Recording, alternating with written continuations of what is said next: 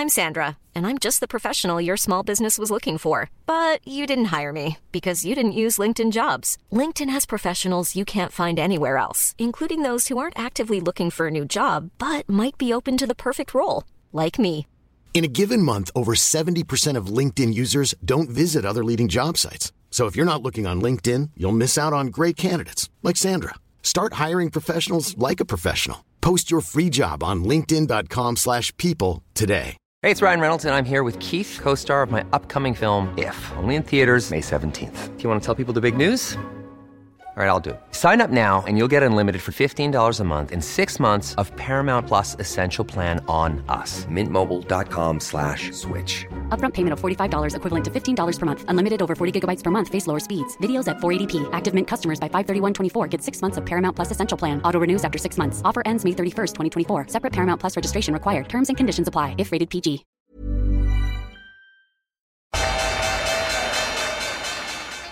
They mistook leverage for genius. Leverage for genius.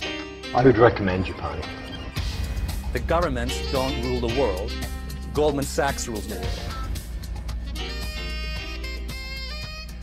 Velkommen til en ny episode av podkasten 'Tid er penger', en podkast med Peter Warren. Peter har nettopp landa eh, tilbake fra eh, uke eller noe sånt i Miami.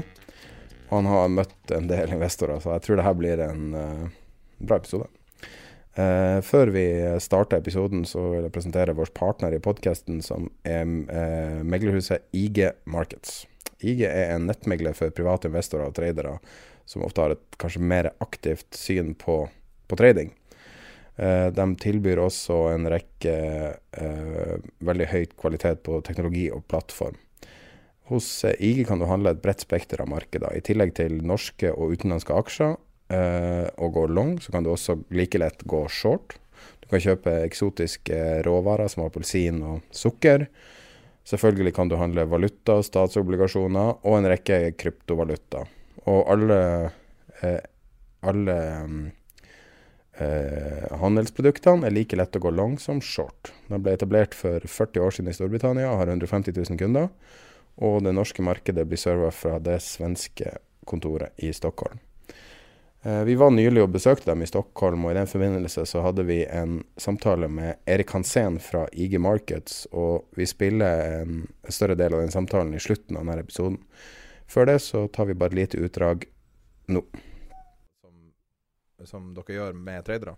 Mm. Ja, men precis som du sier, så majoriteten som uh, sysler med kortsiktig trading, de, de förlorar Eh, och eh, det är allmänt känt, det kan man läsa i alla tradingböcker och så vidare.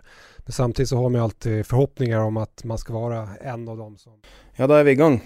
Vi sitter i vår fortsatt nye studio som ombygges hver gang vi er her. Og vi har en eh, hund som har litt lyst til å gå ut, som er på besøk her. Hvordan går det? Jo, bra. Bra. Er du jetlagga? Ja, jeg er nok det. Men altså, det du kjenner mest, det er jo at liksom, kroppen er ikke helt i slag når du har tilbrakt en, eh, en natt på et fly. Men du er ganske velkledd, da. Ja, tusen takk. Jeg har hatt et nettopp kommet fra et annet møte. Akkurat.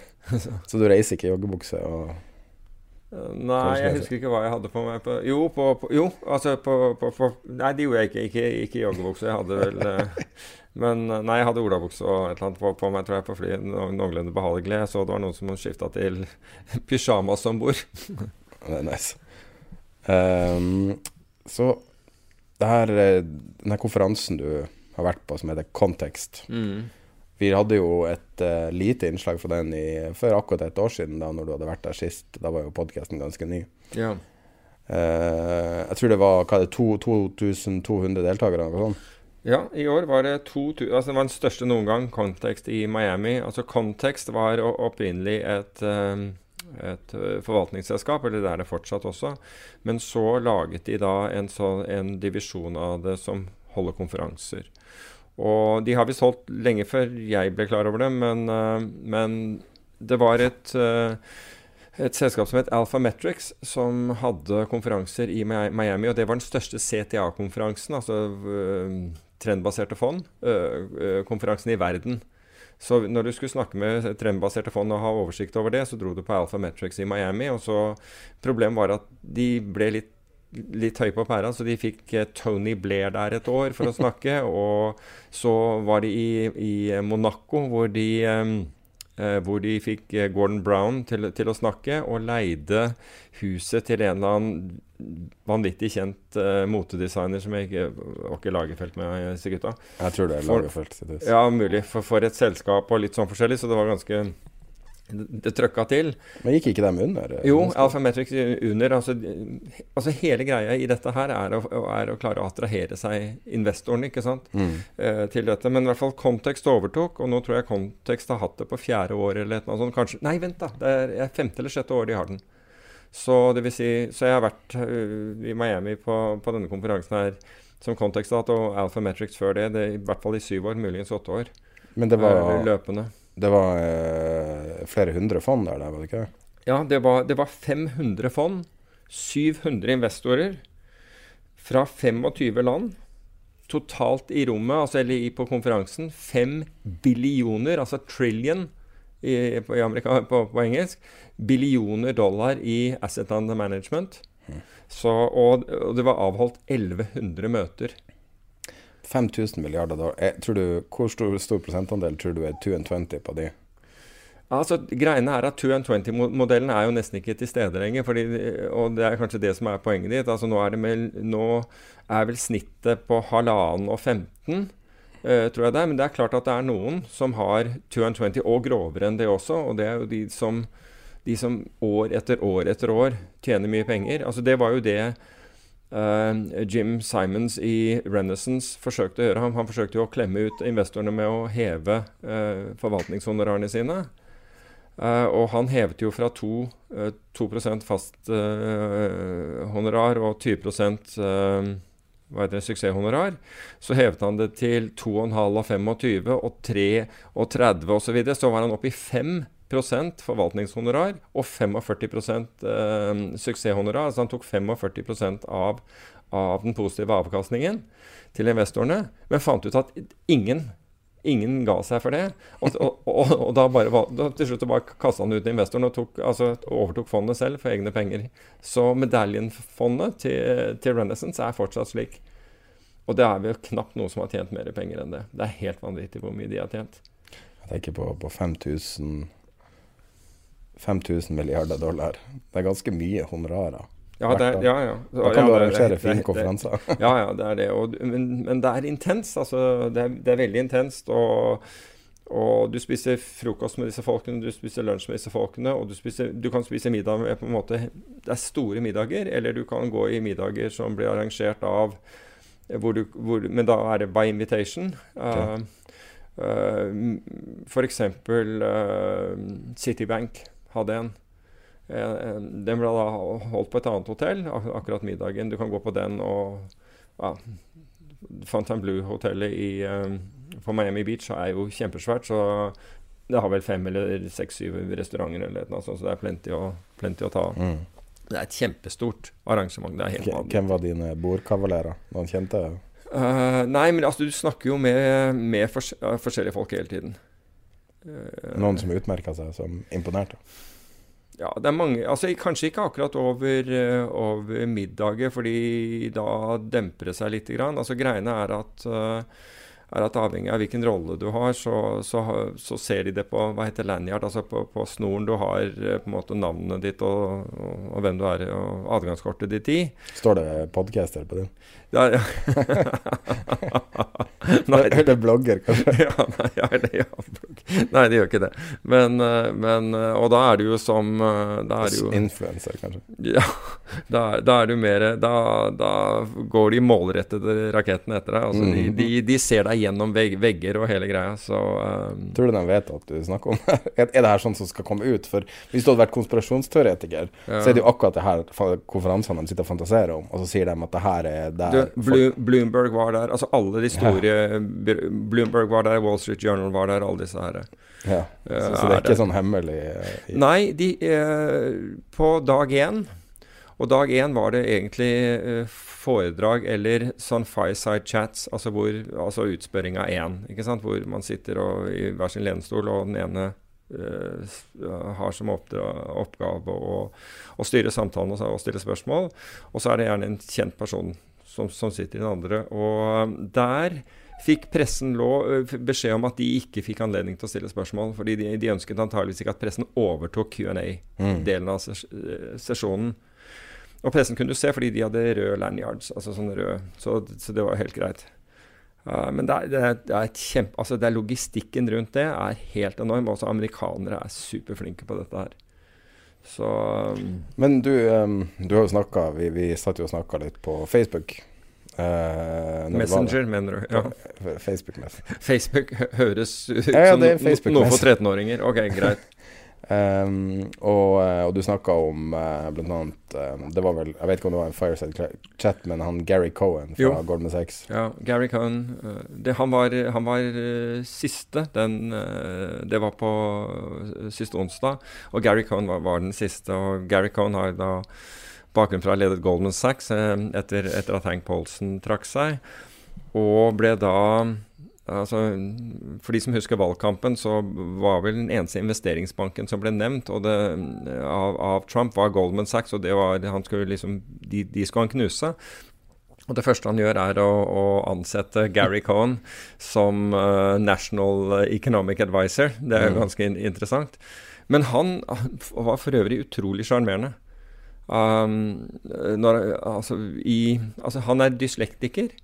Um, en jødisk gutt som, som, som, uh, som vokste opp i, i, italiensk, altså Catholic neighborhood. altså Fikk så mye juling at han på skolen nesten hver dag. altså han hadde Ordentlig sånn tøff bakgrunn. Og han kom inn i markedet. Når han begynte i markedet, så begynte han i råvarer som så veldig mange andre av lederne i Goldman Sachs. De kom jo fra dette selskapet som heter J. Aaron. Som er, uh, som er råvarearmen, om du vil, og for så vidt derivatarmen til uh, til Goldman Sachs. Og han kom inn akkurat når Hunt-brødrene Altså all, alt skjedde rundt sølv og gull og disse tingene. Snakka han om det? Ja, han bare nevnte liksom hvordan det var å komme inn i markedet der. Og, da, og det var veldig nyttig, fordi da så du ekstrembevegelser. Slik, og det, det, var min erfaring fra råvaremarkedet òg, som jeg kom inn på omtrent samme tid. Og det var at de bevegelsene var så ekstreme at når du så store bevegelser i aksjemarkedet, f.eks. 87, og, og, og, eh, når du opplevde det etterpå, så tenkte du her har jeg jo vært før. Var, du ble ikke skremt i hjel. Mens, uh, mens andre det, altså I råvaremarkedet, og jeg tror jeg har nevnt det på podkasten en gang, da hadde vi et tilfelle da, hvor, hvor kaffe åpnet opp 150% fra dagen i forveien. Og Da var det frost i Brasil. Da hadde man oppdaget at det var frost i kaffeavlingen i, i Brasil. Og jeg satt blant tradere som var short for egen regning i kaffe. Og det ble bare helt stille for de, og that was it. Game over. Altså, du har tapt alt. Mm. Og da mener jeg bil, hjem, alt gikk. Og du fikk Altså, du, du, Jeg så et par sånne eh, tilfeller, og du fikk jo enorm respekt for Altså forsto hva bl.a. belåning, for det, det, er det jo i råvaremarkedet. Du har jo mye leverage i disse future-kontraktene. Uh, og du lærte veldig mye av altså Heldigvis så skjedde det ikke med, med deg selv, altså det skjedde med, med andre, men du lærte f.eks. Altså jeg var jo ganske syns soft commodities, altså kaffe, soyabønner og, og, disse tingene som kunne bli ekstremt værutsatt. Jeg var veldig engstelig altså i de, Jeg var veldig, veldig forsiktig med å handle de mest værutsatte råvarene, nettopp pga. det. Du kunne få en storm i Midtvesten i USA som da tok ut uh, soyabønner og hvete og alt uh, altså, Du hadde jo ingen kontroll. Da ville det åpne opp noe så vanvittig. Og så verste er at du får limit moves. Altså hvis du kan si at noe handler på 100 i dag, og på auksjonen dagen etter så, hvis, hvis, limiten er, er 50, så en eller annen kaller den opp 150 bid, så stenger de børsen for dagen. Da handler den ikke. Med mindre en av dem kommer og sier 148 offered eller noe sånt noe. Da, så du kommer deg ikke ut. Så hvis du har limit moves dag etter dag, så er det liksom 150, 200 to, Du kan jo tenke deg hvordan, hvordan det føles. Mm. Noen nordmenn fikk forresten føle, føle det på kroppen i første Irak-krigen. De var short olje. Men eh, snakka han eh, Fordi at det, det virker som det har prega deg ganske mye. Eh, snakka han noe om eh, Altså om de her, den tidlige fasen? Var det, eller var det bare uh, rett på Donald Trump-administrasjonen? Nei, altså han fortalte en del om, uh, om hvordan karrieren hans hadde vært. Uh, hvordan han liksom, på en måte vokste opp med dette. Og så Og så tro, jo, og, så, og hvordan altså maskineriet Goldman Sachs virker. Uh, altså hvordan alle drar i samme retning, og det er Goldman er kjent for det. Er verdenskjent for å være en av de mest effektive pengemaskinene i verden. Fordi mm. de er utrolig fokusert. Mer fokusert. Jeg vet ikke om noen annen, annen investeringsbank er, eller meglerhus er like fokusert som jeg har aldri hørt i hvert fall, som er like fokusert som, som Goldman. De har visse prinsipper som de går etter, og de er ekstremt fokuserte. Og det var i den forbindelse hvor, hvor uh, konferansieren sier Opplevde du Det hvite hus på samme måte? Og da, da, da, smiler han. Nei, ikke helt, sier han. Fordi eh, han sa saken er at når du overtar, den datoen du overtar på, og det var, mener jeg var i januar, da går altså klokken 3, altså 23, 59, 59 Da slutter Da, Obama, da går Obama-administrasjonen ut. Og ett sekund senere så altså Det er omtrent sånn de møtes i, i døren. Mm. Problemet her var at de hadde skaffet altså Fordi det var ingen som forventet at Trump skulle vinne. Så de, de han sa ikke, det rett ut? Ja, altså de hadde ikke altså, Eller han sa ikke det rett ut, men, men han sa at det, det var ingenting var på plass. Så når de gikk inn døren der, så går de Det er en bråte fremmede mennesker som går inn med sin stab. Ingen har noe seatplan hvor de skal være, kontorer eller noe. Og det begynner sånn, nesten et slagsmål på innsiden om hvor man skal være. Fordi alle, I Det hvite hus? ja, for alle ønsker jo å være så nær maktsenteret som, som, mulig, nemlig pre presidenten. Og det er total kaos. Det er ikke, det er, altså, de har ikke de har, ikke, de har ikke telefonlinjen de skal ha. De har ingenting fordi de vil ha egne dedikerte ting. Ingenting er på plass. Det tar mange, mange uker å prøve å få dette på plass. Og så måtte du lære andre mennesker å kjenne. Og da var, det, måtte du lære de som, de som var ekstremt politiske, altså som bare tenkte på å klatre. De som var teamplayers, de som absolutt ikke var teamplayers. Altså dette tok lang, lang tid. Mm. Og så nevnte han da siden han har nevnt dette i plenum, og så, så, så, uh, uh, så, er det ikke noe Chatham House Rules. Altså Hvis du kjenner Chatham House Rules, er uh, fra thinktanken Chatham House i, i England, hvor hvis det er Chatham House Rules, da, da, det vil bli sagt på forhånd. Mm. Uh, nå er Chatham House Rules det, det, betyr at du kan ikke, altså du kan henvise til det som ble sagt. Du kan, du kan, snakke om det som ble sagt, men du kan ikke si hvem det var som sa det. Kunne, okay. Okay? Så det er Chatham House Rules. Og så har du litt strengere hvor du ikke, snakke, ikke skal snakke om dette, det du har hørt. Men det, her var det ikke evoked noe Chatham House Rules eller, eller noe som helst. Og, da, da du sier da. og så forteller han da at um, om uh, at G7 hadde hatt møte, og det mener jeg var i, i, Italia, hvor de hadde blitt enige om en felles front mot, mot Kina. Uh, og da liksom få Kina til å åpne grensen og, og den, den, biten der, ikke sant, og tillate uh, gjensidig handel, for alle mente at dette var viktig. Og de hadde sittet sammen i dagevis og diskutert dette her, og endelig kommet til en løsning. Og så flyr de tilbake igjen til, til USA, altså til Washington.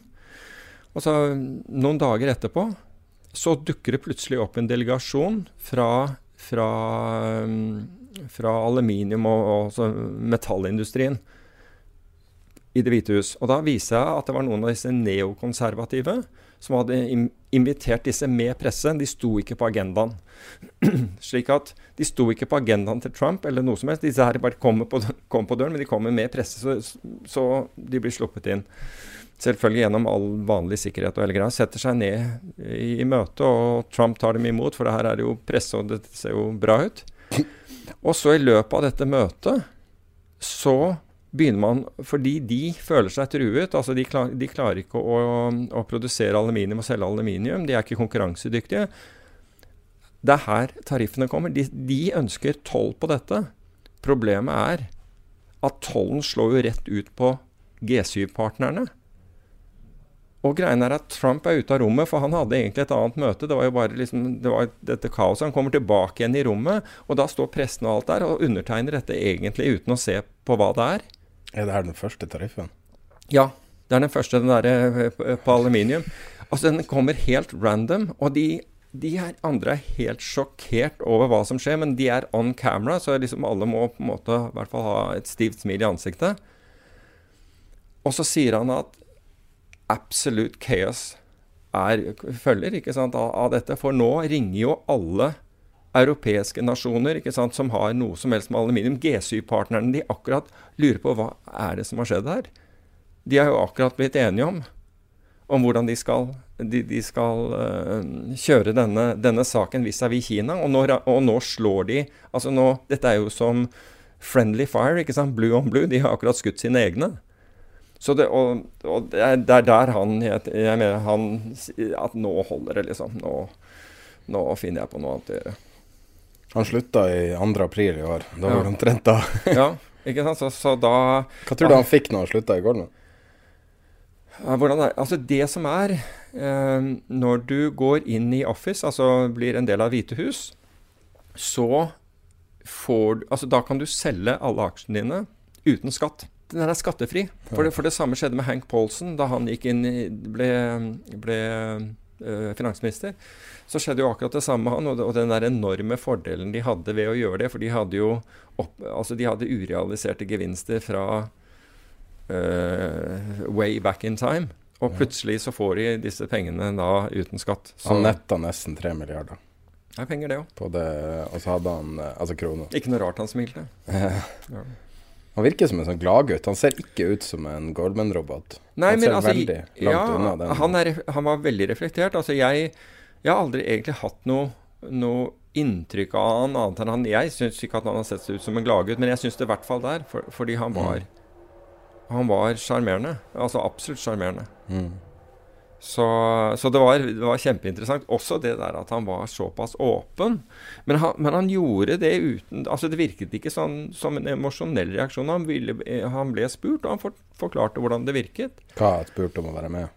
Nei, altså hvordan, hvordan liksom Det hvite hus virket på liksom Hvordan virket det? altså Var, var det på liksom den typiske Goldman, du er superfokusert på hva du skal gjøre, og alle, alle er teamplayers, og alle drar i samme retning? Og her er det helt tydelig at her, her, her er det, noe, det er knapt internkommunikasjon. Fordi du har, du har, Han sa du har de neokonservative med Peter Navarro og disse på, på den ene siden. ikke sant? Det er helt ute av kontroll i forhold til de andre, og de får lov å herje helt fritt. Og så prøver man å, å det til etterpå. Men han sa at han måtte jo ta telefonen uh, fra, fra G7-partnere og andre land som ringte, altså friendly land som ringte, og, altså statsledere som ringte og lurte på hva, var som, hva har skjedd her. Sa det, altså, du, hva skulle du si? Uh, når det kommer til uh, f.eks. Bridgewater, ja, var der, ikke sant? Ja, der var co-CEO Elaine Murray Uh, til stede fra Bridgewater. Hun faktisk åpnet uh, Det var også en sånn type fireside-chat. Uh, hun snakket om kultur. Okay. og det var utrolig interessant å høre den, den Goldman-kulturen. Altså den radikale åpenheten de har. Ikke sant? Radical truth, radical transparency. Mm. Så, radical AUM. 124 milliarder dollar. Ja. Altså, altså. Men altså, ta f.eks. hvis du jobber i Bridgewater. Da, da, blir du fratatt mobiltelefonen din om morgenen. Hmm. Og den blir låst bort, akkurat som du besøker en, en, en rett, etterretningstjeneste. Den blir bare låst bort der, og du, den får du i hvert fall ikke med deg inn. Uh, det er vel ikke så strengt at du ikke får med deg uh, pulsklokken din inn, men, som det er andre steder, holdt jeg på å si, som det er innenfor etterretning. Men, men du får ikke ta med deg noe inn. Eh, eller du får ikke ta med deg Fordi de vil ha full fokus. Hm. Og alt dreide seg om, om kultur. Og, og det, er, det, er, en veldig horisontal istedenfor en vertikal organisasjonsform. Altså ikke hierarkisk i den måten du vanligvis tenker, men den er ekstremt flat. Og hvem som helst kan spørre Og hun sa, når hun kom dit Hun kom vel fra Goldman Sachs, hun har vært med JP Morgan til og, og, og Goldman Sachs. Og, når da en eller annen junioranalytiker når hun sa at hun, trengte data og sånn og sånn, og han sier 'hva skal du med det?'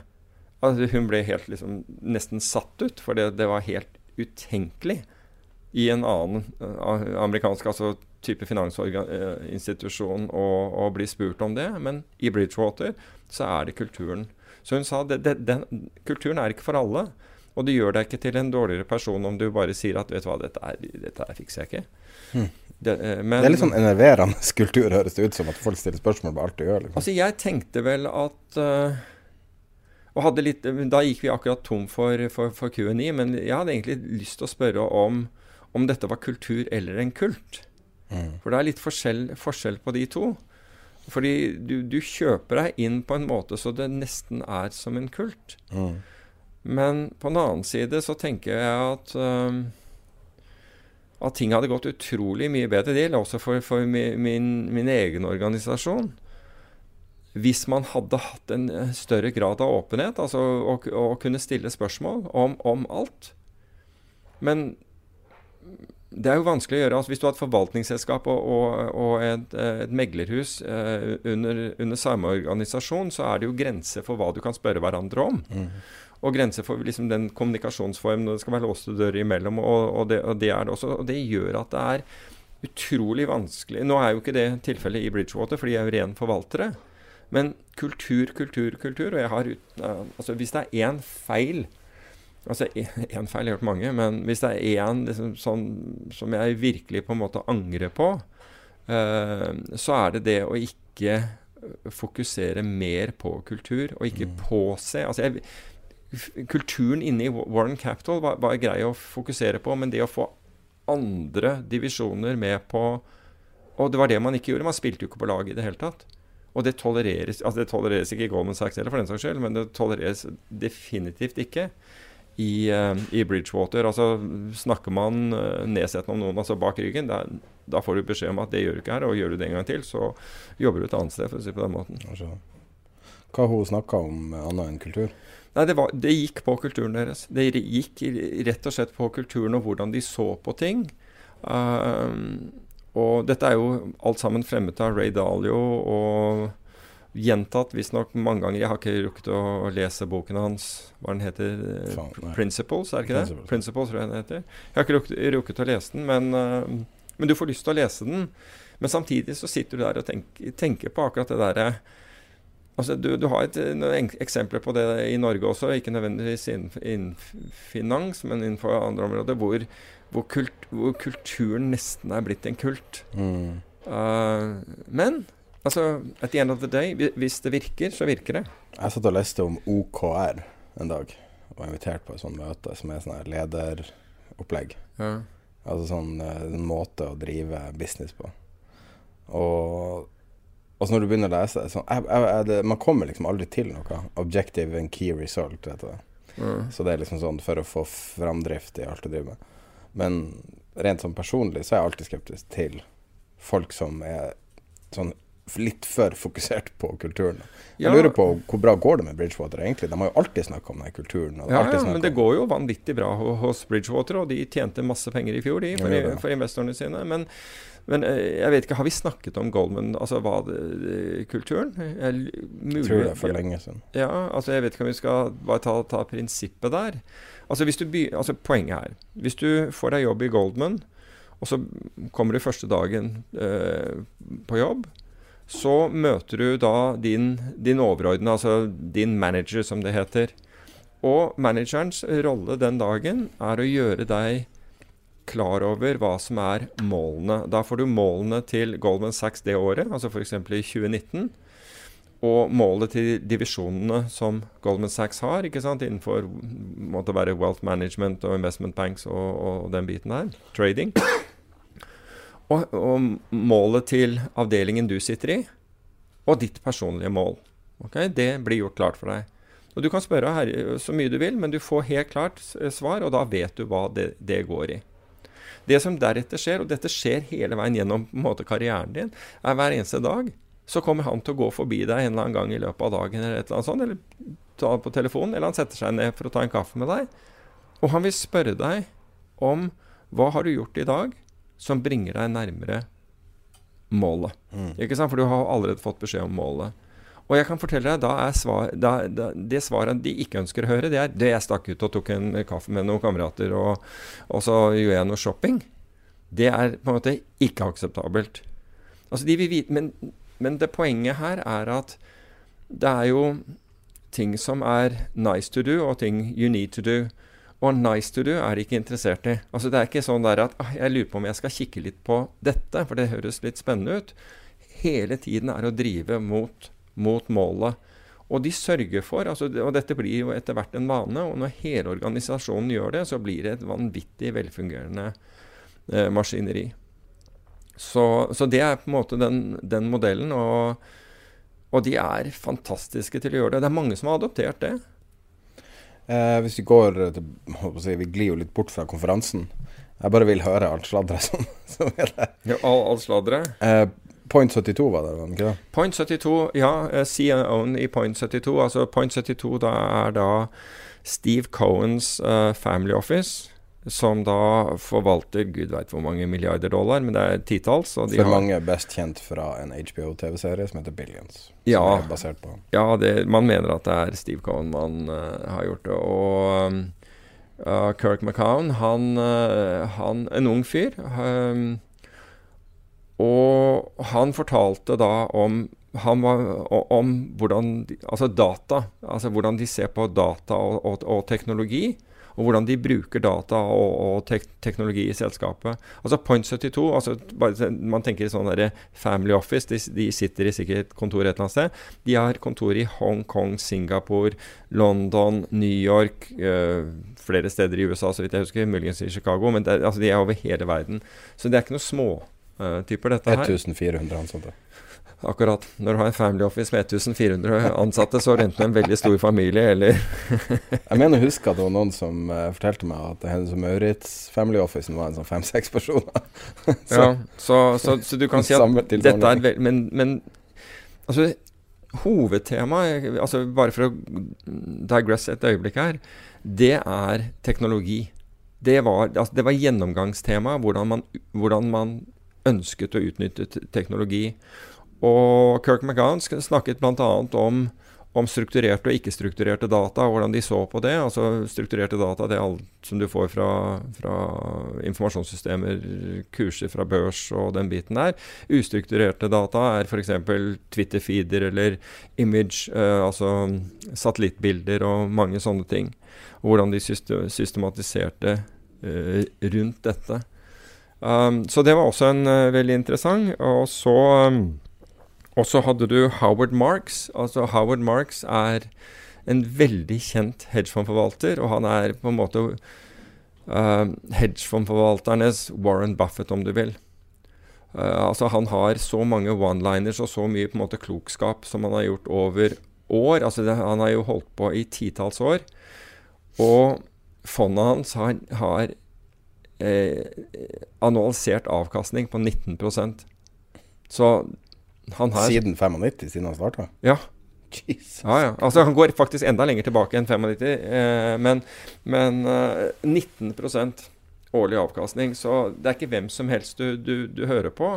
Og ekstremt reflektert. Altså, han bruker tiden sin på mye på tenking. Lesing, tenking, eh, skriving og, og, på foredrag. Det er helt utrolig at Oaktree får så mye forholdsmessig mindre oppmerksomhet i forhold til Bridgewater, Ray Dalio. Ja, de er jo like store. Mer eller mindre. I, ja, ja, det er helt riktig. Men, men, det har jo med at Dalio er der er ute og, og, og, snakker hele tiden. Dalio er i Davos, Dalio er overalt, ikke sant? Uh, det er interessant, interessant forskjellig ja, strategi. Mens Howard Marks er, er mer uh, Han uh, Det er feil å si mer reflektert, for det, det, de er to, det er to forskjellige personligheter man, man snakker om. men men uh, det, er, det, er, rett og slett en annen Ja, det er en annen personlighet, men, men, han, men det morsomme var at, han, var at han sa at Altså, for han som er erkefundamental i sin tilnærming Han er erkefundamental ok, og har vært det over alle år. Og han sier at 'computers can do better than 95% of humans'. Og, altså investors. Mm. 95% av han, Og det mener han. Altså uh, Datakraften og datatilgjengeligheten nå er slik at computer kan gjøre bedre enn 95 av oss. Mm. Det, det, det, var han firm believer av. For han har sett kraften i dette her. Hvordan strategier er det de bruker? Ja, altså Han er innenfor, han er innenfor long short, eh, stort sett. Hmm. Så med noe event-driven og litt, litt, sånn, men det er mange andre som er Er det pga. størrelsen at du må ha en sånn type strategi for å klare å absorbere over 100 milliarder dollar inn i en strategi? Ja, du må i hvert fall kunne spre deg eh, horisontalt. ikke sant? Det er jo det som uh, er genialiteten til både Renaissance og Two Sigma og, og, den gjengen der. Det er jo at de har klart å Altså, De er for store for enkeltmarkeder, men de er, men de er ikke for store når, når, du bare sprer deg Altså når, når, modellene dine er robuste nok, så kan du på en måte åpne deg for hele verden. Um, men, men uh, forskjellen helt klart mellom Howard Marks og f.eks. Jim Simons i Renaissance er jo i transaksjonshastighet. Den er, ikke sant? Altså Renaissance har en enorm transaksjonshyppighet. Men den var ikke på konferansen? Nei, Renaissance var ikke der. Men den var sikkert der, men den var ikke nei, der. Jeg, jeg, ja, det kan hende at det var Jeg så dem ikke i tilfelle, men de har ikke noe behov for penger. Ikke sant? De, de, Renaissance vil jo ikke ha penger. Jeg tenkte han ville være der for faglig input. Nei, jeg tror de er så langt fremme, akkurat Renaissance. Alle ønsker jo å være Alle ønsker egentlig å, å, å, å kopiere Renaissance mer eller mindre. De er, uh, Mens de for eksempel Boas Weinstein, fra, kjent fra finanskrisa? Ja, han var der. Boas, han har Saba Capital. Ja, Boas er interessant. Jeg har hørt Boas tidligere, bl.a. I, uh, i Roma uh, for en del år tilbake på en Goldman Sachs-konferanse der. Og han har jo han har bl.a. et fond som kjøper closed end-fond, eh, altså med rabatt. Um, så det han gjør, er at du har, du har fondstyper hvor du kan tegne innløse akkurat som du vil, som de fleste norske aksjefond, og så har du lukkede fond, altså fond som blir stengt etter. Altså, så når de har x antall dollar, så stenger de fondene. Um, og det fondet vil da fluktuere opp og ned med, med, med tilbud og etterspørsel etter annonseandelene hvis du vil. Og et av fondene til, eh, til Boris Weinstein gjør akkurat det. Og det hadde en vanvittig rally her eh, ved slutten av, av, av året. Og tailrisk-fondet hans, altså det som skal beskytte deg mot, mot kraftige nedganger i markedene, det var opp 25 i fjor. Så, så, så, Boaz is back, for å si det på den måten. Han har, han har blødd, selvfølgelig. Et tail risk-fond, de fleste av de blør, men ikke alle. Uh, Diego Parilla, som uh, vi kan snakke om etterpå, han er jo en av de som, som har klart å konstruere dette her med en nesten, nesten Ja, altså han har positiv carry. Men allikevel, han var opp jeg tror det var opp 9,5% eller noe sånt i desember. Ja. Ja, ja. Det, det, morsomme her Husø, altså. Ja, ja, ja. Men det morsomme Han er i kvadriga, men ikke den kvadriga som akkurat har gått til helsike uh, innenfor krypto. Um, det er Quadriga CX. Ja, men uh, de er jo uh, Dette er Madrid-basert uh, CX tror jeg er australsk, er det ikke det? Kanadisk, tror jeg. Det Er kanadisk? Ok, jeg tror det er australsk. Men, okay. men um, mens det andre Quadriga, det er De sitter i Madrid i, i, Spania. Og det som er morsomt, og jeg skal ikke nevne navn her fordi, um, fordi jeg har ikke klarert det, men mens jeg er der borte så er det en som sender meg på Messenger, en av lytterne våre som sender meg på Messenger og, og, og, og spør om hans strategi. Og dette dette er, tidlig i uken, som, som spør meg om, om, om Diego Parillo, Parillas uh, strategi, og hvordan han, han, han gjør ting. Og så, det, og så, svarer han det er rart du spør, fordi jeg møter han faktisk både på onsdag og torsdag i denne uken. Uh, Fikk så, du han, stilt han spørsmålet? Ja, ja, ja vi snakker, vi, det var jo nettopp det vi snakket om. Vi, det var akkurat det vi snakket om. Så, Men du skal vel kanskje ikke dele det? Han vil vel ikke det?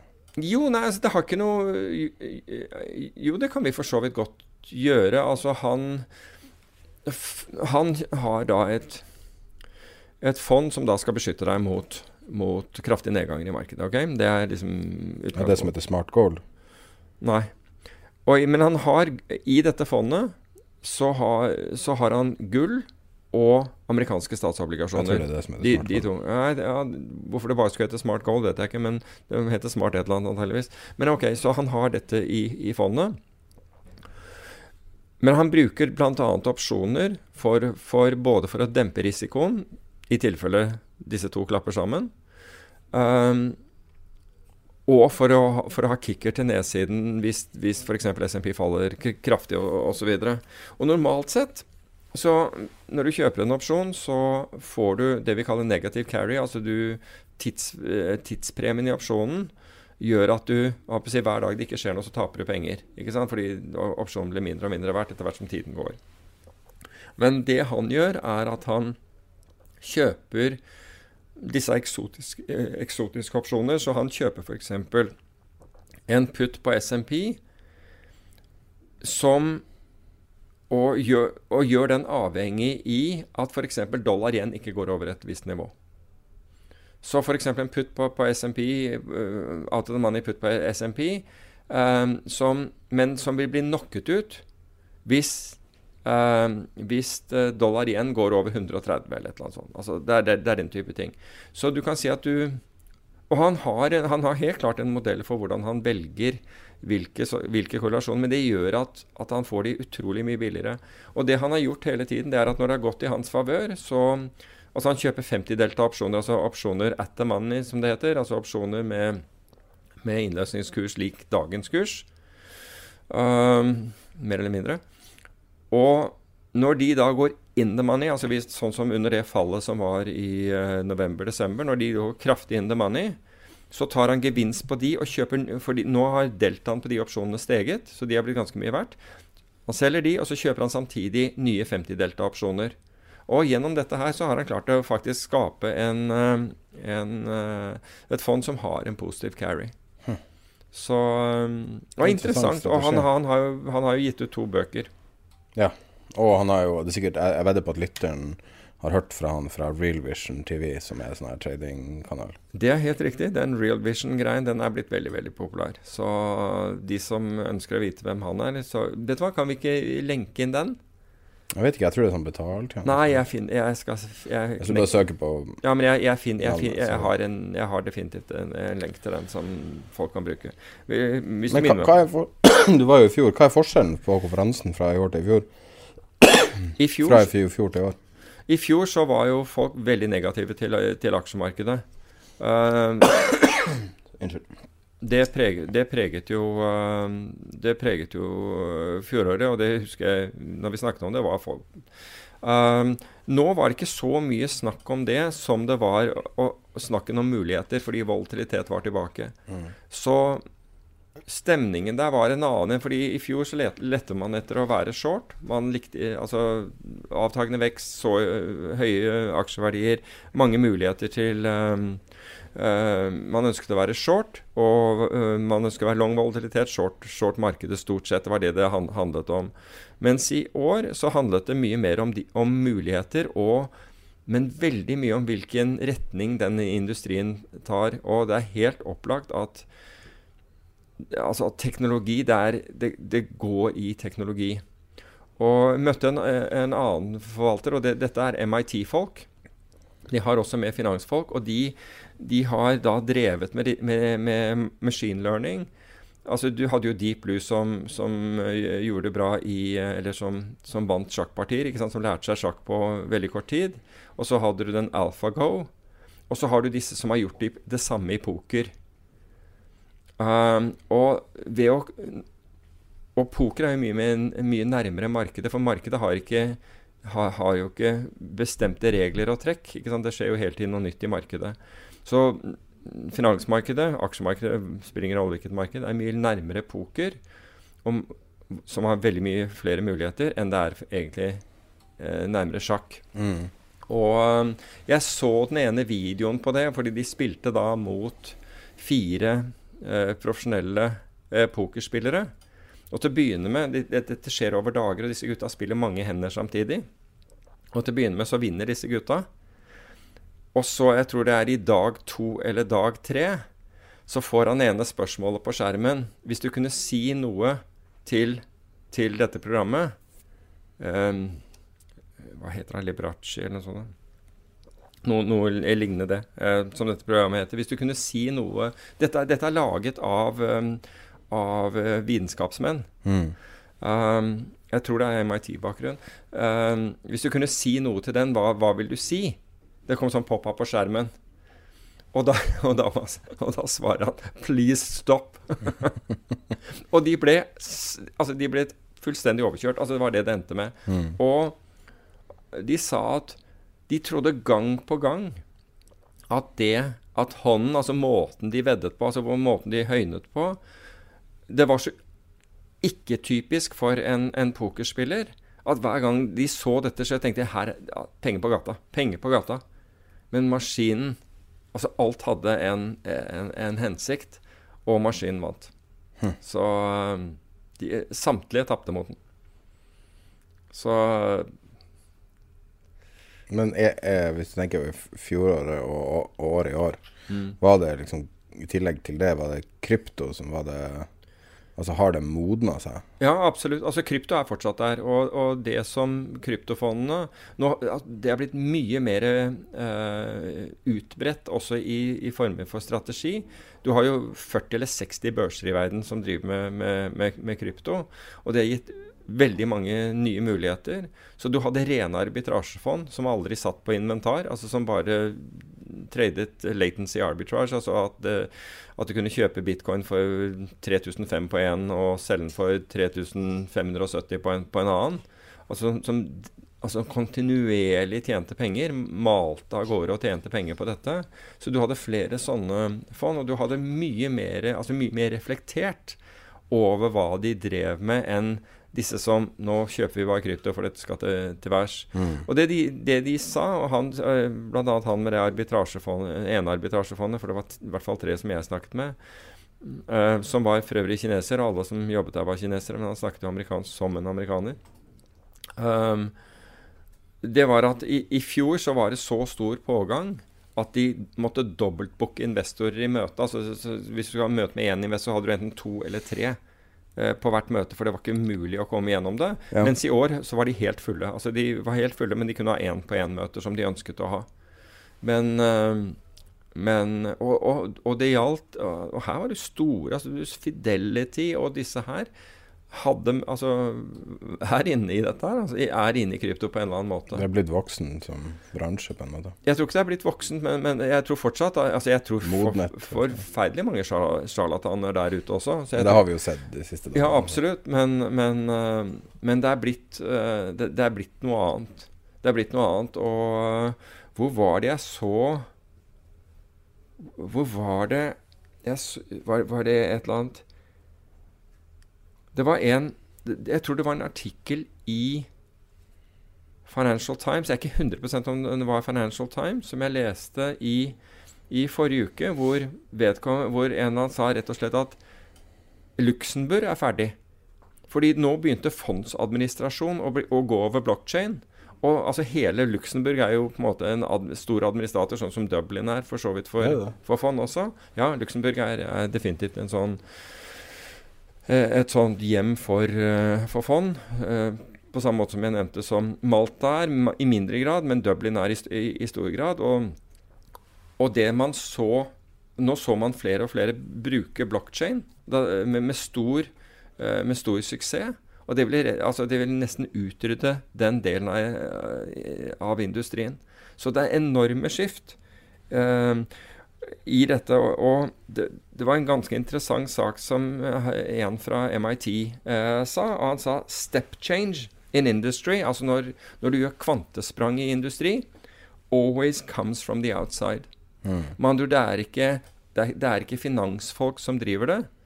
Det, det skjer utenifra. Det, det er noen som ser inn og ser hva som foregår, og sier 'vet du hva, dette her kan vi gjøre bedre'.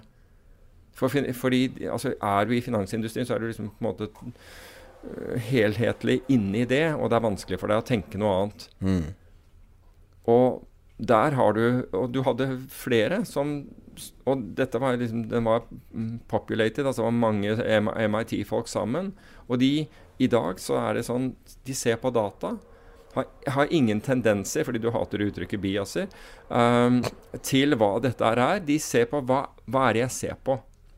Mens, men som finansfolk så, så, har vi en eller annen oppfatning om hva disse dataene er, og hva vi skal få ut av dem. Uh, data scientist, hva, hva, hvilket uttrykk bruker du om det på norsk? Nei, det finnes ikke. Godt. Altså de, i hvert fall, de, de, kommer inn og ser på La oss se hva disse dataene er. Altså De kommer ikke med den, med den forutinntattheten om hva dette er. Mm. Og så går de derfra Og det er det som Så jeg, Det er utrolig spennende. Mm. Altså Her i Norge har vi også noen som, som har eh, som, som ser på altså du har, som, som ser på bruken av uh, rene datadrevne eh, aktiviteter. Du, du har eh, Intelligent Trading, som vi har snakket om. Du har et annet uh, tradingselskap.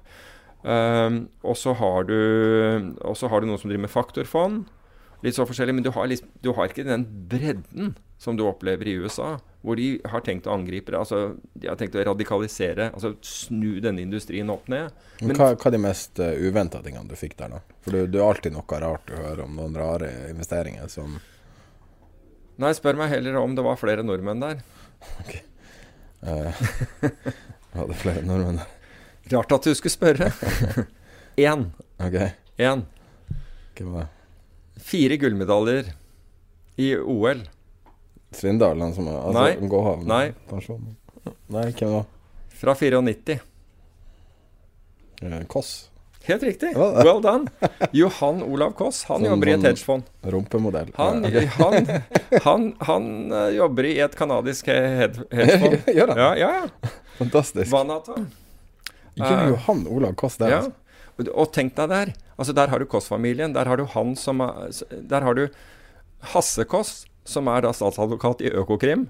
Han er veldig Også, ja, han er kjempeålreit. Og så har du broren hans som er, er, er, på, er på den mørke siden. Med andre ord Johan Olav. Han har gått over til den mørke siden. Ja, sånn. Så he's on the dark side. Så det er jo uh, Ja, nei, men han er på salgssiden. og Han er på investor relations-siden hos, uh, hos et kanadisk eh, hos, hos et kanadisk hedgefond. Wow. Så eh, Så det var en av de mer overraskende tingene eh, man så der borte. Eh, prøver å tenke på andre Jeg vet én ting. Ja. Superbowl. Du Ja. var der når Superbowl var. Ja, ja. Super. Ja, vi, Hvordan var, hvordan var det? Jo, nei, altså i år altså, Vi var hos, eh, var hos en, en venn av meg. Han er jo innenfor finans. Og jeg, jeg traff, han, traff han i forbindelse med, med finans Jeg, i, for mange år siden i Roma. Og vi, vi så super, Superbowl der. Ja, det Kjedelig match. Ja, det var jo egentlig I forhold til i fjor, så var det jo det. I forhold til i fjor var 200 penta, liksom. Ja, men, eh, men i fjor så vant ikke Patriots. Det gjorde de i år, da. Så for åt, var det åttende eller niende gang de har vunnet uh, Superbowl. Ikke på rad, men Jeg tror det er sjette gang med Bill Belichick. det er mulig. Men nå har vi toucha på Men nå går Tom Brady av, da. Nå går Tom, altså quarterbacken. Nei, men, det var, eh, men det var Jeg så faktisk matchen. Det sitter Ja, langt inne, altså. Men det er reklamekjøret i USA. Altså, Oh, den ene Den ene reklamen er helt fantastisk. Kan jeg det? Den, det, det er en reklame for øl. Så du hun som satt på et skrive, skrivebord ute i, ut, ute liksom i jungelen? Det er NLP, altså nevrolingvistisk programmering. Det er helt fantastisk. De bruker alle sansene dine, blir brukt på den. Ok. Og det, og det ble også eh, Er det kjent at de bruker det, eller? Ja, de, denne her er NLP. Det er bare det hun gjør. Det er bare NLP hun gjør. Hva, hva, hva slags øl var det? Jeg husker ikke, jeg kjenner ikke øltypen. Men jeg ble helt amazed. Fordi, og så så jeg dagen etter, så, så kalte de a mind orgasms. Altså enten, enten would either put you to sleep or give you a mind orgasm, var, eh, var så jeg en annen uh, avisartikkel. Den, og den, den var helt utrolig. Den var helt utrolig. Um, Jeg vet ikke hvordan jeg skal begynne å lete for å finne men det, er, den det er bare ha, halftime uh, Ja. Bear adverts. Jo, men det er ganske Super mange, det er ganske mange av dem. Altså. Jo, men allikevel, det er ikke så mange å bla gjennom. Vi kan sikkert finne den og putte den, men det er nevrolingvistisk programmering. Altså Hvis du Ja. lurer på hva det er, så er det bruken av sansene dine, altså de sansene du har. Og de blir brukt i denne her. Til de grader blir de brukt. det er lyd, liksom? Ja, ja det er, altså her bruker man lyd, men det er your association av det. Det er lyd og bilde, da. Fordi du får okay. ikke gjort du, altså, Men du innbiller deg på en måte at du smaker og lukter og Ja. alt, alt sammen. Høres ut som en bra reklame, da. Det er jo det de Den var kjempebra, men den er jo ikke så bra at jeg Altså, jeg hang meg opp i NLP-en og ikke i, i ølmerket, så hvor bra den var, det vet jeg ikke. Fikk du med deg Norwegian når du var der borte, eller var det før du dro? Nei, jeg fikk jo med meg Jo, jeg fikk med meg. Altså, hva, tenker du på kursfall? Ja, og så rally opp, og så har den eh, falt ned igjen. Ja, jeg, jeg fikk med meg det. Uh, Vi har jo snakka, eller jeg har fall brakt opp Norwegian mange ganger, som Mm. et utsatt selskap. mm. Og det kan man jo si at det er. Men, eh, men, det fondet som tapte 25% i fjor, som vi har snakket om, det, det, det, dumpet posisjonen sin nå. I hvert fall hvis DN har rett. Det vet jeg ikke. Men, eh, men i tilfelle så altså Rett eller galt så, så, så tok man i hvert fall en sammen Sa man at nok er nok. Det er ganske sjukt. Og det er jo en aktiv, en, en, en aktiv handling som uansett står respekt av. Altså du kan liksom, hvis du mener at uh, facts change, so, so does your opinion, så jo, men bare det faktum at i desember så var de langt ute i samtaler om å selge. Nå er de 43% lavere. Det må være surt, altså. Ja, det må være kjempesurt. Det må være kjempesurt. Så, um, men det viser jo også det å være så eksponert som de var. Mm. Har en definitivt en kostnad. Det er fint på vei opp å være gira, men det er litt verre på veien ned, da. Men kan ikke jeg bare nevne et par ting til fra der, fordi det er bare ting jeg har Altså, du har, du har fond bl.a. som, uh, som uh, såkalt event-driven uh, funds. Altså de, og eventet her er når selskapet går Når de mener at de filer for chapter 11. Altså med andre ord at ber om konkursbeskyttelse. Og da er det bare noen dager før Altså da har du bare noen dager på deg når de gjør det, før børsen må deliste aksjen. ok? Problemet er at du vet hva som skal skje, fordi indeksfondene kan ikke sitte på ikke-børsnoterte aksjer. Mm.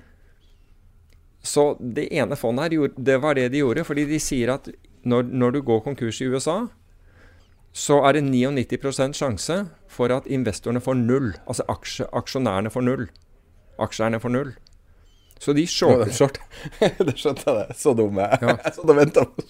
Nei, så, så, så, poenget var at med en gang de annonserte en konkurs, ja. så ville disse Altså hvis det, den tilhørte noe indeks, den aksjen, eller altså selskapet tilhørte noe indeks, så gikk de short fordi indeksfondene i løpet av de neste dagene ville selge. Så de frontrunnet helt lovlig indeksfond. Da kan du si en av ulempene med passiv investering. Mm. Altså det er, mange, det er mange fordeler, men Den går an å arbeide en stund på før den er borte, tror jeg, den effekten. Ikke sant? Så, jeg vet ikke hvordan man skal gjøre det engang. Altså men da vil jo aksjeverdien til slutt ende på null når du chapter 11 har. Ja. Altså, ja, ja. Så nå, nå, nå, var det Pacific Gas and Electric blant annet, som de var liksom megashort uh, den. Og det blir Altså, det er US det, Nei, de mente at det var verdens sjette største konkurs. Kanskje i assets. Så, så det, det, er size i den. Er de større enn Con Edison og sånn? Det vet jeg ikke. Uh, jeg tradet dem, men jeg tradet obligasjonene deres en gang jeg uh, satt i uh, tradet for en bank. Ja, men er det dem som har vært opp etter dem chapter 11? Da? Nei, det var en av de der aksjene som har steget i Jeg vet ikke. Men ja. da, da, må du ha kommet ut av chapter 11. Men for øvrig så fortsetter Altså en stund etter så blir aksjen tatt opp til notering på det de kaller pink sheets. Mm. Men da har den symbolet sitt pluss en ku bak. Da er den on the pink sheets. Men da er den fortsatt i det. Ellers så, så var det bruken av data. Jeg så ett fond. De Altså, konkurransen er blitt enorm der borte ikke sant, om, om folks penger. Forvaltningshonorarene har gått ned. Og kostnadene ved å drive fond pga. regulatoriske kostnadene, altså den byrden, regulatoriske byrden, uh, er blitt helt enorm. Og da var det en altså de uh, som jeg kjenner her borte, et fond jeg kjenner, de hadde nå istedenfor å tilby deg fondet deres Du kunne godt kjøpe fondet deres, men du kunne også gjøre dette. Dette er et uh, systematisk fond. For fem, mellom 35 og 70 basispunkter i året, altså 0,35% til 0,7% av det du har tenkt å investere, så kunne du få adgang til alle modellene de hadde. Og du kunne selv velge blant dem hva du ville ha. Du kunne backteste. Alt sammen hadde de. Og hvis du, du kunne f.eks. ta AP-fondene i Sverige. De kan ikke ha råvarer. Ikke mm. futures engang. Så hvis, så hvis, du hadde et fond der, så må du ta, ta, ut råvarene, så kan de investere i resten. Men la oss si at du, hadde, du hadde helt andre ideer om hva som ville være bra og dårlig. Så kunne du bruke deres modeller. Altså, du, du, altså For den lave summen der kunne du leie deres modeller, altså sette sammen. Og hvis du ønsket at de skulle hjelpe deg med å optimalisere, så gjorde de det for samme pris. Da brukte de sine egne eh, folk til å, til å hjelpe deg, slik at du fikk akkurat det du ville ha. Og det er bare bruk av, altså det er bruk av de samme dataene som de har, på en bredere basis. Så det er ganske spennende hva man gjør. Og så hadde du et annet fond igjen, og det, de, det var et underfond av Quadriga som vi snakket om i sted, med Diego uh, Parilla, et underfond, altså hadde ikke noe med det å gjøre. De drev ren korttelling. Og, eller jeg kalte det det. De, de gjorde uh, statistiske analyser rett og slett på f.eks. hvor mange dager de, de, kunne se på hvor du, Og de hadde database til, tilbake til 70-årene, handlet valuta. Og de så da på valutapar og sa at ok, hvor mange ganger, hvor mange ganger uh, påfølgende dager har denne vært ned?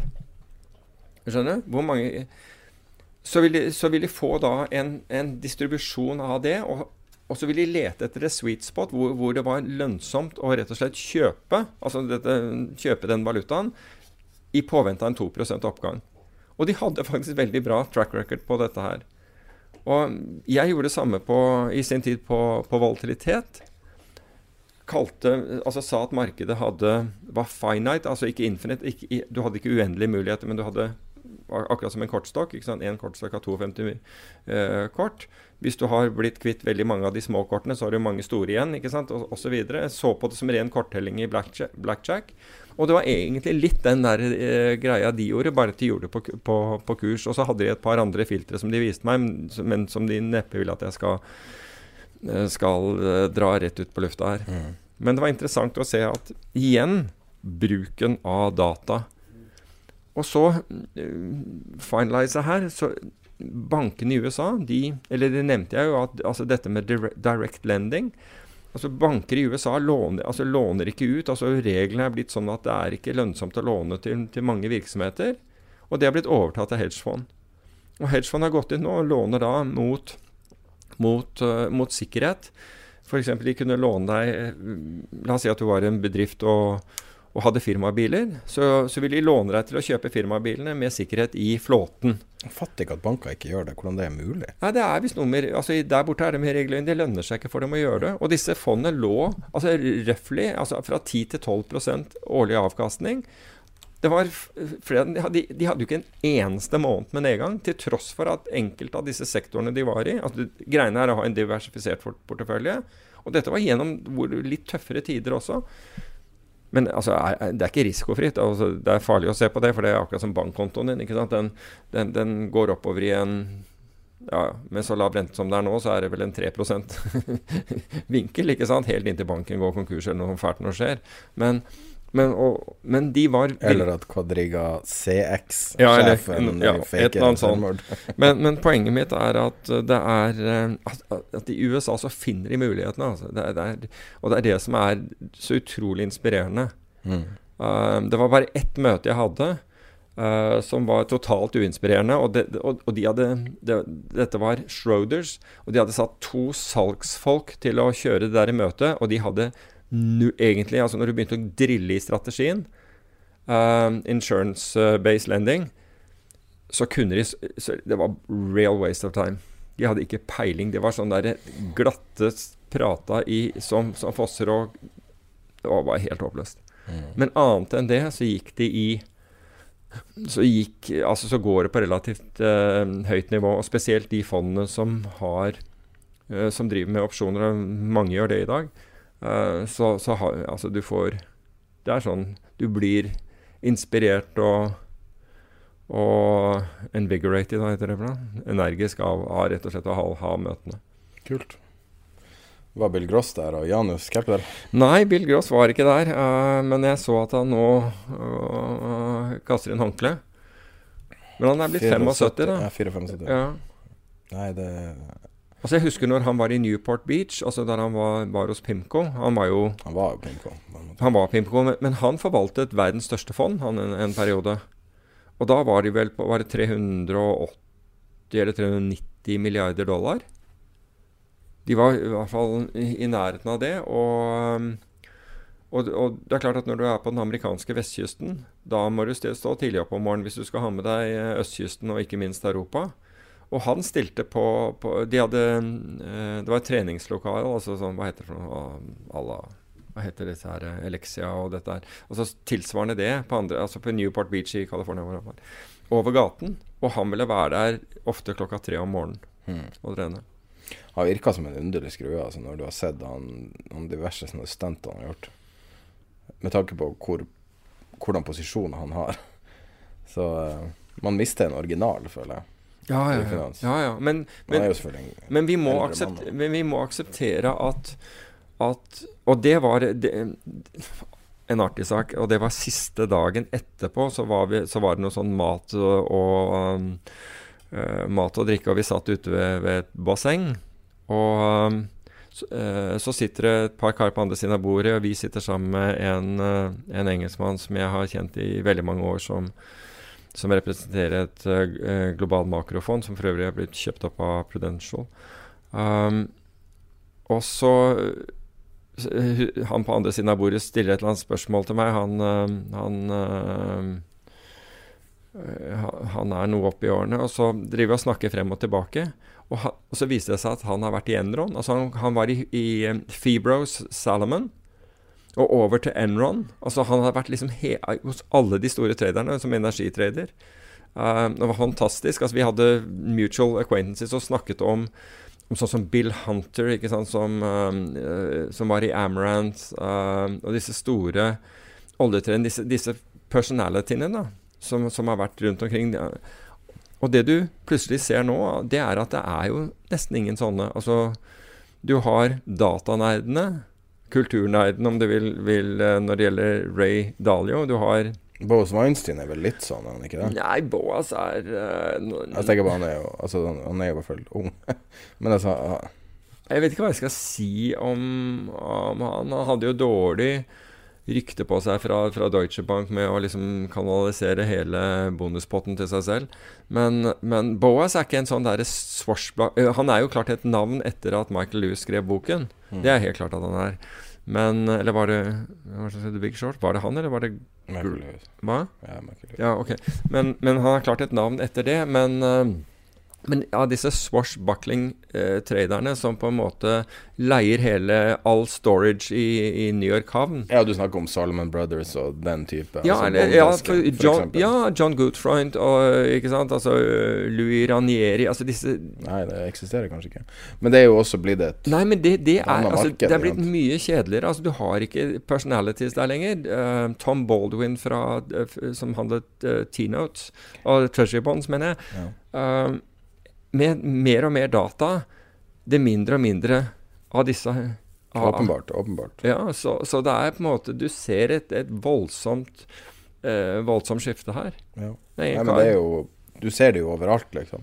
Husker du gamle dager med hvordan journalister var Jeg så en sånn eh, film om eh, eh den der eh, Zodiac-morderen. Så ser du sånn fra en gammel sånn eh, journalist hvordan de holder på. Da, da er det jo liksom rett fra jobben til barn.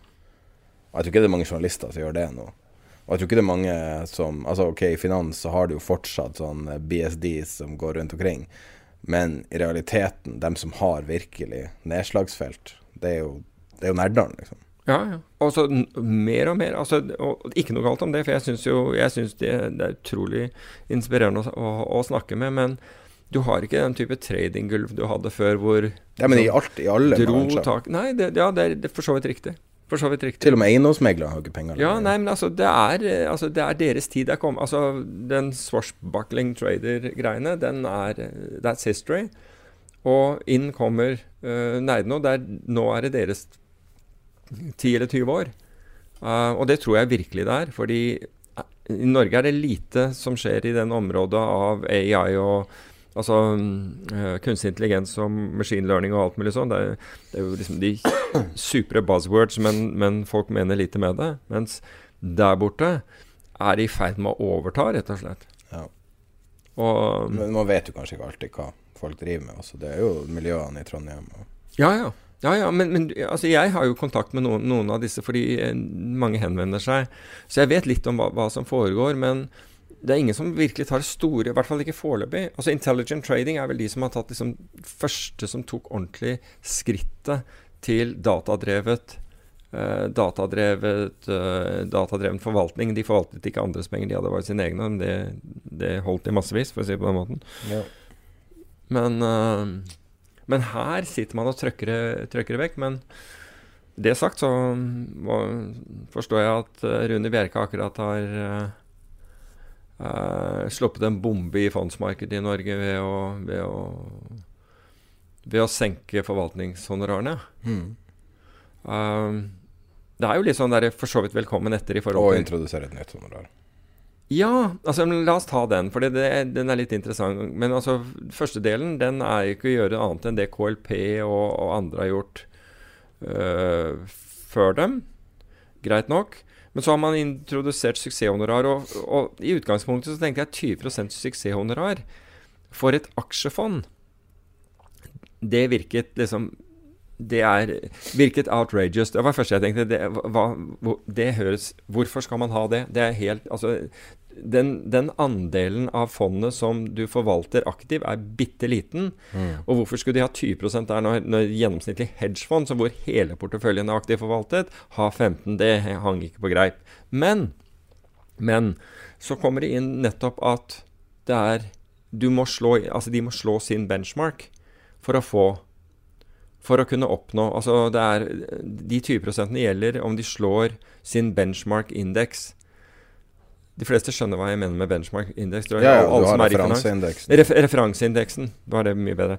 De må slå, slå referanseindeksen for å få Og det gjelder bare det de slår referanseindeksen med, uh, hvor de får betalt. Og da er egentlig suksesshonorar i utgangspunktet fair, syns jeg. 20 er nok litt stip, men altså det, fall, det, kan nok sikkert uh, noen konkurrere med. Men, men, det er et godt tiltak. Det er faktisk et godt tiltak.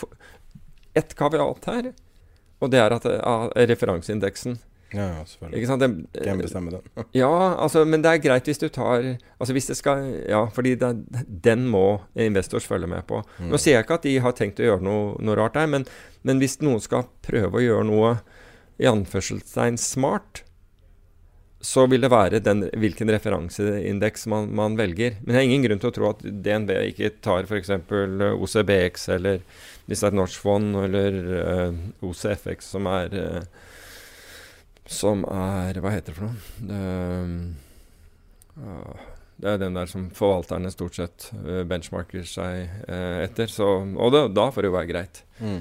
Men man skal nok se, se, etter, i hvert fall hvis mange andre følger det eksempelet, så vil jeg se nøye på hvilken referanseindeks de bruker. For vi har sett mange eksempler på det hvor den har vært questionable, for å si det på den måten.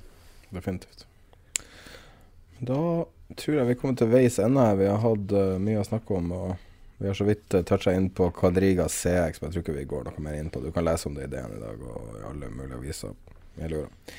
Um,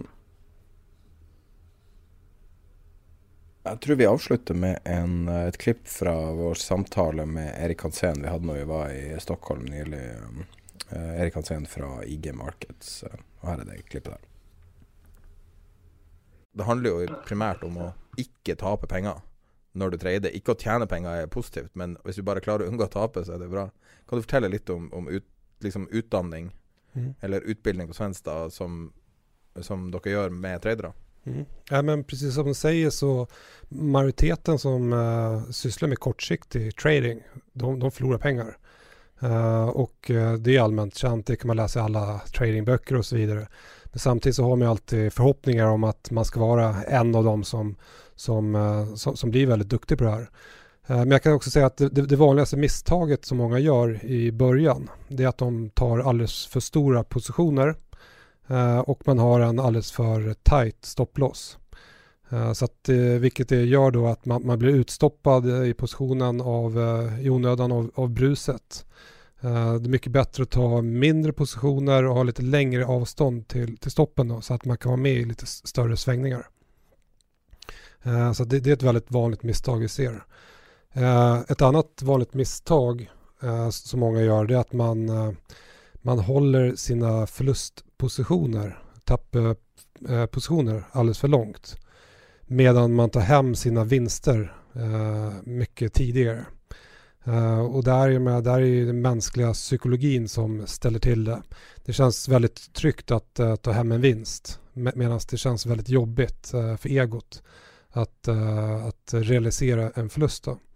Och där har ett bolag som heter DailyFX som IG äger gjort en studie ganska nyligen och då såg man att majoriteten eller om man kollar genomsnitt på alla våra kunder majoriteten av själva affärerna är eh, vinstaffärer. Om man kollar på eurodollar så var det 64 procent eh, vinstaffärer bland kunderna. Men anledningen till att majoriteten då förlorar pengar det är att förlustaffärerna var betydligt mycket större än vinstaffärerna. Eh, så det är någonting man ska tänka på. Eh, försöka hålla kvar i vinsterna lite längre och ta förlusterna lite tidigare. Och då kan man använda stopploss men har inte stopplossen för tight och ta lite mindre positioner. Hva gjør IG for å ut, utbilde, utdanne kundene? Ja, vi, vi har jo bl.a. uh, nyligen lansert noe som vi kaller for uh, IG Academy. Uh, der vi har en, et stort utbud av utbildningsartiklar. och vi kör även mycket webbinar. vi kommer köra igång några webbinarserier här under 2019. en tradingskola och en CFD-skola. Eh, så att vi har ju väldigt stora incitament att våra kunder ska tjäna pengar. Eftersom vi tjänar pengar då på, på courtage och på spreadar. Eh, så vi vill ju att det ska gå bra för våra kunder och att de fortsätter handla. Eh, så vi ser väldigt, vi lägger väldigt stor vikt vid just utbildning för att våra kunder då ska, att det ska gå bra för dem. I Skandinavien så erbjuder vi, vi erbjuder aktier, vi erbjuder index, vi erbjuder eh, råvaror, valutor, eh, kryptovalutor. Eh, den absolut vanligaste produkten som våra kunder handlar i dagsläget det är aktieindex. Och då är det främst tyska DAX-index som många handlar om. Sen är det väldigt populärt också att handla kryptovalutorna. vi har även många som handlar vanliga FX-par, euro-dollar till exempel. och sen har vi aktier också. Men på aktiesidan så är vi, skulle jag säga, ett, mest ett komplement till den traditionella aktiemäklaren. De som handlar aktier hos IG, det är mycket på grund av att man kan shorta majoriteten av bolagen. Så att eh, våra kunder de handlar mest index och där har vi ett utbud på över 30 olika aktieindex. Och majoriteten av de här kvoterar vi dygnet runt. Så de går att handla då dygnet runt. Eh, och eh, hur är det möjligt? Jo, utanför börsens ordinarie öppettider då tar vi priset från eh, USA-terminen. I USA då handlas ju underliggande terminen nästan dygnet runt. Den är stängd en kvart sent på kvällen där. Så då tar vi priset från den och sen tar vi hänsyn till kundernas positioner. Så, så våra kunder kan då hedga sina positioner på kvällen, natten eller tidigt på morgonen. Men de kan också spekulera i uh, hur priset är. Det kan vara så att de tycker att Norge 25 uh, står kanske lite för lågt eller för högt innan börsen öppnar och kan då spekulera i att IG har en felprissättning. så att, och sen förutom då index så erbjuder vi då valutor och där kan man då handla antingen OTC eller DMA. OTC är over the counter Eh, eller ska man handla DMA, Direct Market Access? Och då ser man orderboken och allting från interbankmarknaden. Och vi är då den enda CFD-mäklaren som erbjuder Direct Market Access på just valutor. Sen har vi ju ett stort utbud av kryptovalutor uh, och handlar man kryptovalutor på IG så behöver man ingen e-wallet som man behöver ha om man handlar på de underliggande börserna. En annan stor fördel är att du inte har risken att bli hackad. Eh, du har ju hela tiden motpartrisk om det handlar hos någon underliggande bitcoin eller kryptobörs. Uh, Eh, och det är själva processen att komma igång och handla med kryptovalutor är väldigt enkel och snabb uh, på IG då, jämfört med många andra ställen. Sen har du råvarusidan. Vi erbjuder nästan 40 olika råvaror. Allt från ja, oljan och guldet som är väldigt populärt men även, men även lite mer exotiska råvaror som kanske apelsinjuice eller eh, socker och majs och så vidare. Hej, it's Danny Pellegrino from Everything Iconic. Ready to upgrade your style game without blowing your budget? Check out Quince. They've got all the good stuff, shirts and polos, activewear and fine leather goods all at 50 to 80% less than other high-end brands. And the best part? They're all about safe, ethical, and responsible manufacturing. Get that luxury vibe without the luxury price tag. Hit up quince.com slash upgrade for free shipping and 365 day returns on your next order. That's quince.com slash upgrade.